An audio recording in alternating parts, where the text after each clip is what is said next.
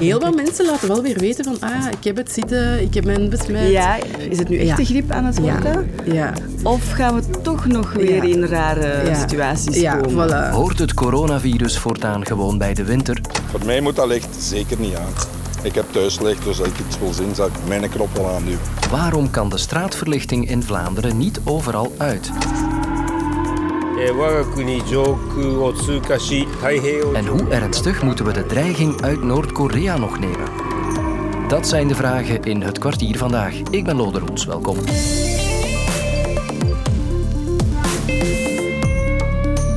En we beginnen met een primeur voor de podcast, want we gaan het namelijk hebben over corona. En dat is hier in het kwartier nog nooit gebeurd. En ik geef toe, corona is al een tijdje niet meer zo alomtegenwoordig in ons leven natuurlijk. Dat was ooit anders, want een jaar geleden bijvoorbeeld klonken de nieuwsberichten in oktober nog zo.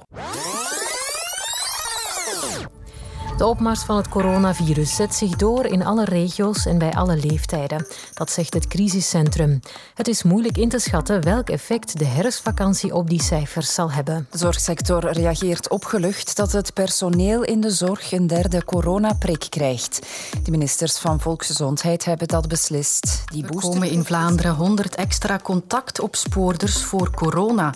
Hun aantal gaat van 400 naar 500, omdat er opnieuw meer besmettingen zijn. Wat een verschil een jaar toch kan maken. Al zijn we er ook nog niet helemaal van af, vrees ik. Want vandaag stijgen de coronacijfers weer. De afgelopen week werden per dag gemiddeld 94 nieuwe coronapatiënten opgenomen. Dat is een stijging met 28 procent.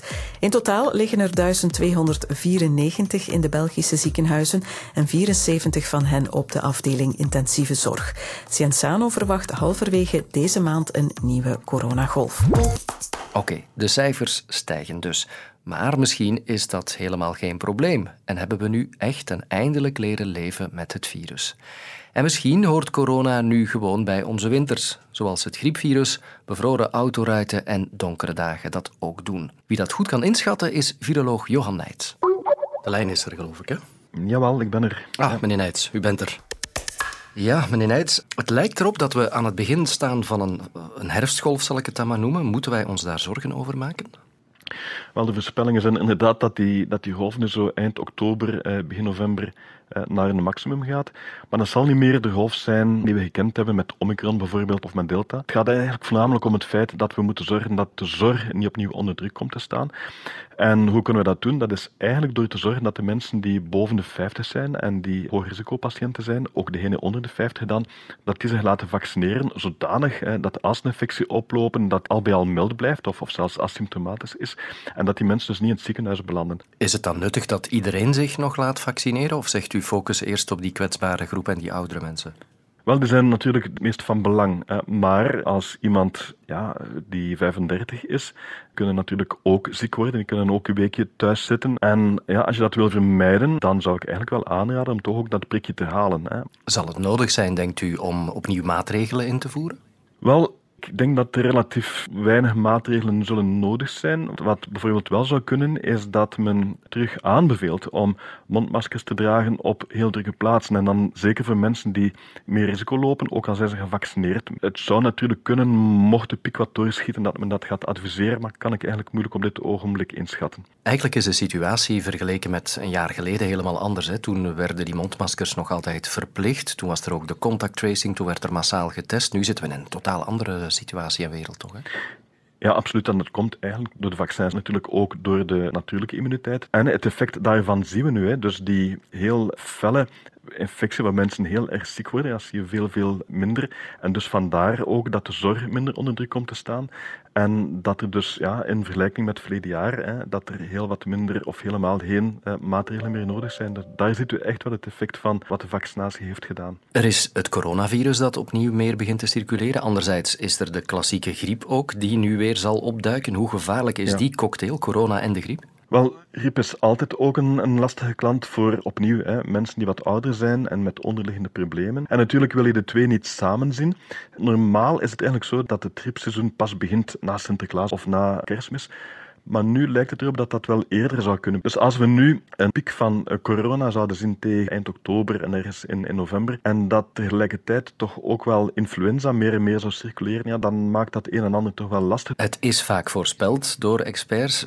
Is het nu zo dat we nu de echte eerste winter ingaan waarin we gaan leven met het coronavirus? Hebben we leren leven eindelijk met het virus? Wel, ik denk het wel, hè. En ik hoop het ook. En alle voorspellingen, niet alleen in België, maar ook in andere landen, wijzen daarop dat het virus nu min of meer beheersbaar is en dat we dus inderdaad kunnen leven met het virus. Ik moet eventjes een slag om de arm houden natuurlijk. We hebben gezien hoe snel nieuwe varianten kunnen ontwikkelen. Vorig jaar, eind november, kwam plots Omicron ten tonele. Dus het kan natuurlijk nog zijn dat het virus is nog niet uitgemuteerd, dat er opnieuw nieuwe varianten ontstaan die ja, de situatie toch wel enigszins anders doen evolueren. Maar momenteel is er eigenlijk op dat vlak niet zo heel veel te vrezen en hoop ik echt die infectie dit najaar en deze winter dat dat toch vooral een Omicron-infectie blijft en dat het niet plots iets totaal anders wordt. Ziezo, meneer Nijts, perfect. Dat was wat we nodig hadden.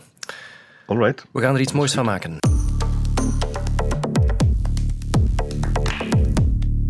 Ik heb een quizvraag voor jou. Welke Belgische gemeente was de eerste met elektrische straatverlichting? Um, Gent. Diepenbeek. Uh, ik denk Lichtervelde.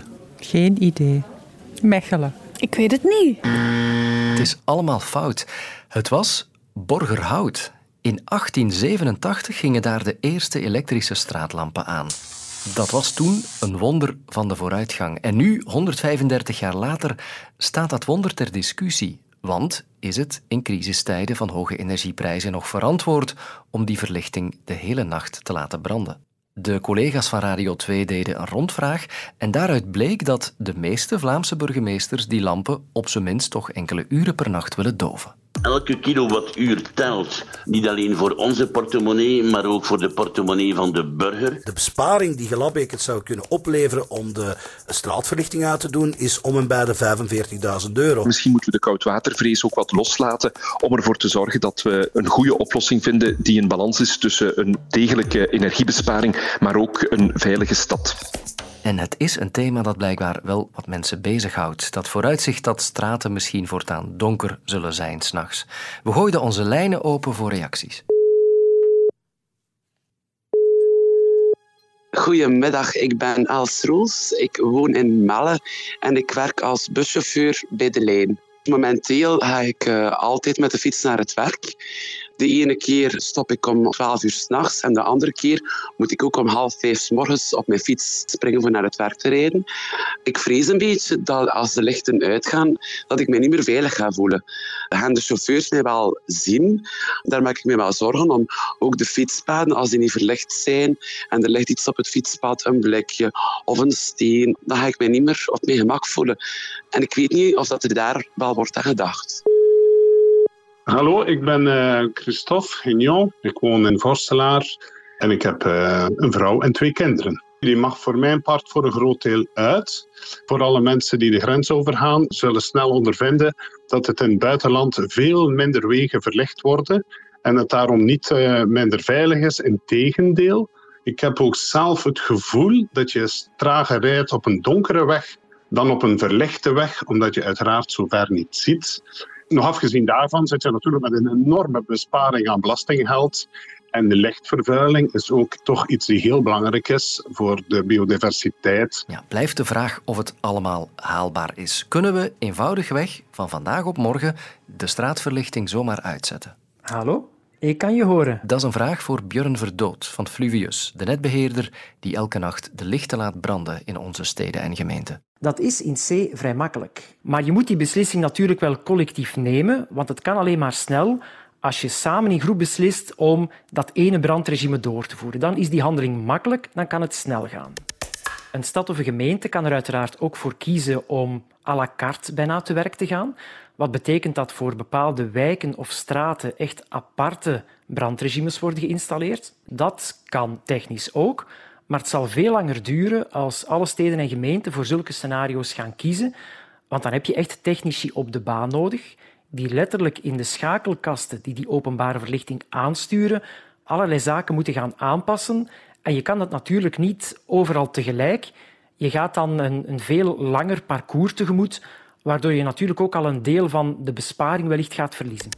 Het zijn natuurlijk werkuren die daar spelen. Hè. Zeker als je heel fijnmazig of heel veel zaken wil laten aanpassen, dan heb je natuurlijk werkuren die vergoed moeten worden. En in dat opzicht hangt de kostprijs er ook een beetje van af wat je als lokaal bestuur ja, effectief graag wil laten doorvoeren op je grondgebied. Vandaar ook dat we het voorstel hebben gedaan om misschien in eerste instantie na te denken over dat collectief doven, met een groep gemeenten samen op zijn minst. Want dat kan natuurlijk snel en daar speelt die kostprijs niet. Het hangt er een beetje vanaf wat het gevoel is, denk ik, voor elke stad of gemeente op dat specifieke grondgebied. Wij kunnen alleen maar de technische mogelijkheden aanbieden. Het is echt aan een openbaar bestuur om echt die afweging te maken.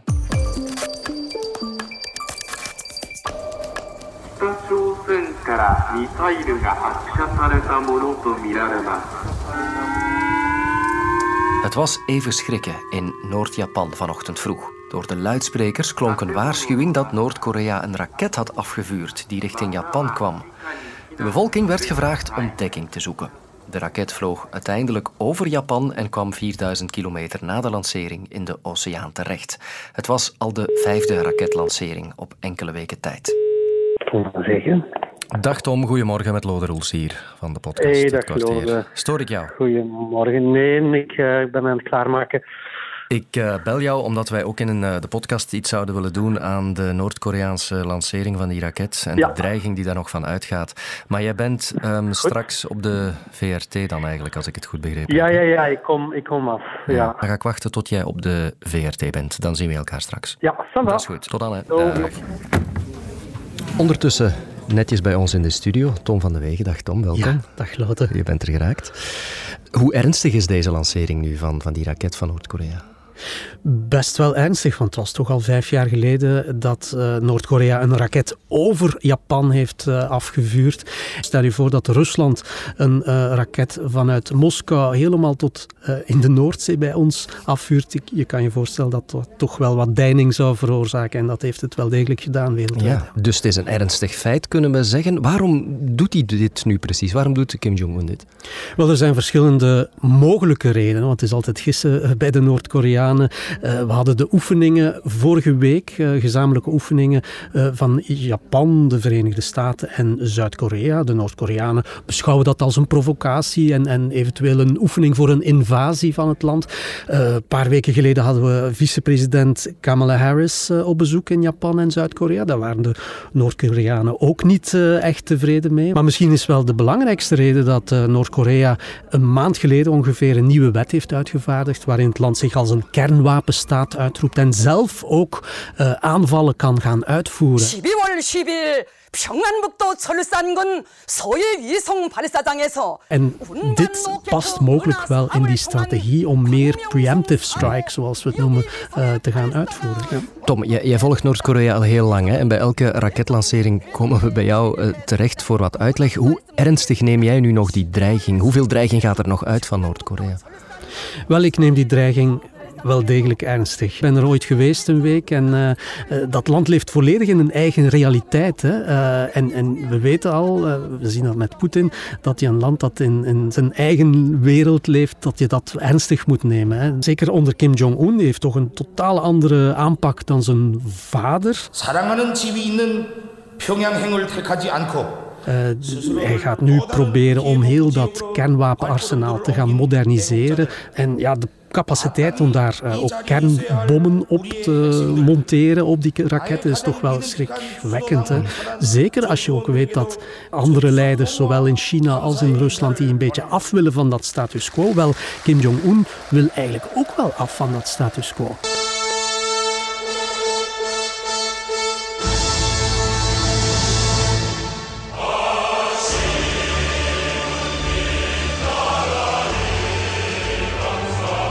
Dit is iets wat regelmatig terugkeert. Het is niet de eerste en wellicht niet de laatste rakettest. Hoe kunnen we dit oplossen? Kan dit opgelost worden? Ja, de-escalatie als het over Noord-Korea gaat, is dat heel moeilijk. Hè? De sancties in het verleden hebben al bewezen dat ze eigenlijk niets uithalen.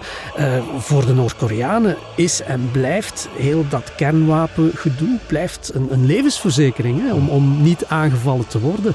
Dus uh, ze gaan dat niet zomaar afstaan. Maar we moeten Noord-Korea denk ik wel serieus nemen, omdat anders die dreiging alleen maar groter zal worden. Tom Bregen, dankjewel.